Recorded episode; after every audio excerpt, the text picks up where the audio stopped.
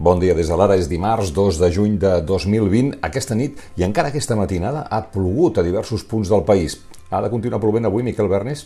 Aquesta tarda repetiran els ruixats i tempestes en moltes comarques, sobretot al Pirineu, al Prepirineu i a la Catalunya central, però en menor mesura també al prelitoral i a la costa. Al migdia farà més calor que ahir. Per cert que l'Observatori Fabra, al peu del Tibidabo, a Barcelona, va confirmar ahir que aquest mes de maig ha sigut el més càlid des que s'hi van començar a prendre mesures fa 106 anys. La primera mirada del dia és pels Estats Units, on continua desfermada la violència als carrers de les principals ciutats del país. Ha estat una altra nit de manifestacions, moltes de pacífiques, però també d'altres amb càrregues, saquejos, destrucció i enfrontaments amb la policia, tot i els tocs de queda decretats a partir de les 11 de la nit a moltes ciutats. Uh, però qui ha estat protagonista de la nit ha estat el president Donald Trump. Primer ha pronunciat un discurs en què ha dit que algunes protestes han estat terrorisme domèstic, s'ha definit com el vostre president de la llei i l'ordre, i ha avisat governadors i alcaldes que si no saben dominar els carrers amb la Guàrdia Nacional ordenarà desplegar l'exèrcit dels Estats Units als carrers per acabar, ha dit ràpidament, amb el problema.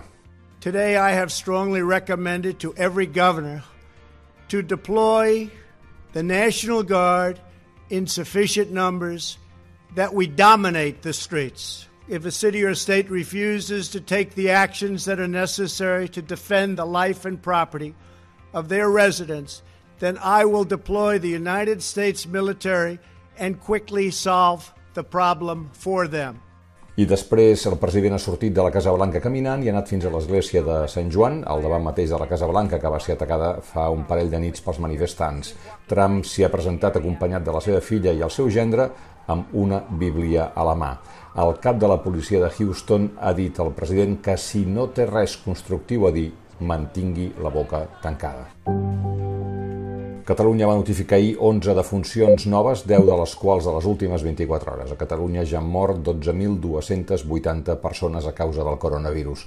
El Ministeri de Sanitat no va registrar ahir cap mort a Espanya, però va dir que es pot deure a retards en les notificacions. I quan podrem començar a moure'ns i anar més lluny de la nostra zona més pròxima? Doncs d'aquí tres setmanes, a partir del 21 de juny, és molt probable que ens puguem moure lliurement per tot Catalunya i per tot Espanya. El govern espanyol planteja la mobilitat entre zones ja a la fase 3 i, per tant, ja seria possible que dilluns que ve es pogués anar, per exemple, de Reus a Tortosa, que són diferents regions sanitàries però estan, estarien a la mateixa fase, la fase 3, ja dic que això podria passar a dilluns que ve, o, per exemple, de Girona a Vic el dia 15 de juny, quan la Catalunya Central i Girona entrin en la fase 3.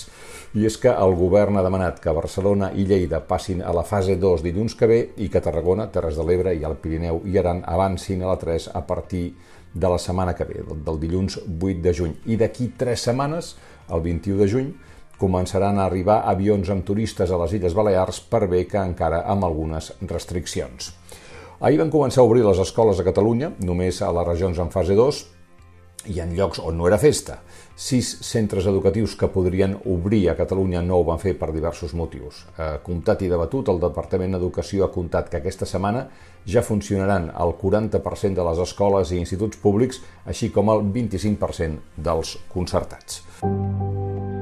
A Lleida hi ha un problema amb l'allotjament dels temporers eh, que hi han arribat per la campanya de la fruita. Una seixantena de treballadors es podran allotjar a partir d'aquesta setmana en un edifici de tres plantes de la ciutat. La despesa de l'estat l'assumirà el futbolista del Mónaco Keita Valdé, que és d'Arbúcies i d'origen senegalès.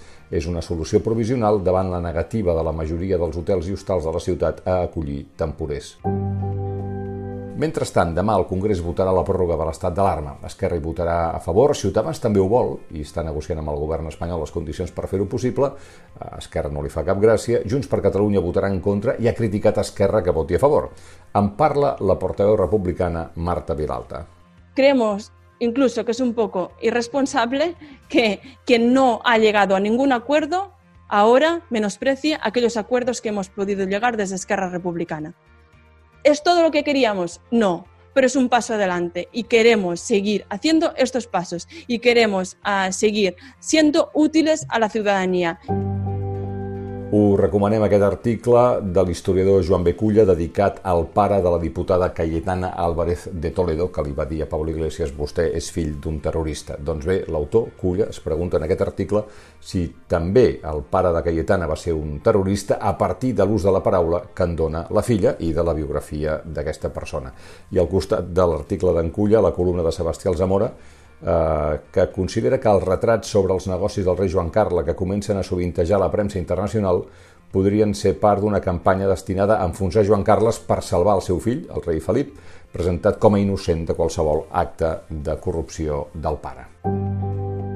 I acabem. El diari Marca informa avui que el ministre de Cultura i Esports es reunirà telemàticament amb els capitans del Barça, el Madrid, l'Atlètic de Madrid i el València per parlar de la represa del campionat de Lliga la setmana que ve. O sigui que Messi avui té cimera política. I fins aquí les claus del dia. Ens retrobarem d'aquí uns minuts a l'anàlisi. Que tingueu un bon dimarts.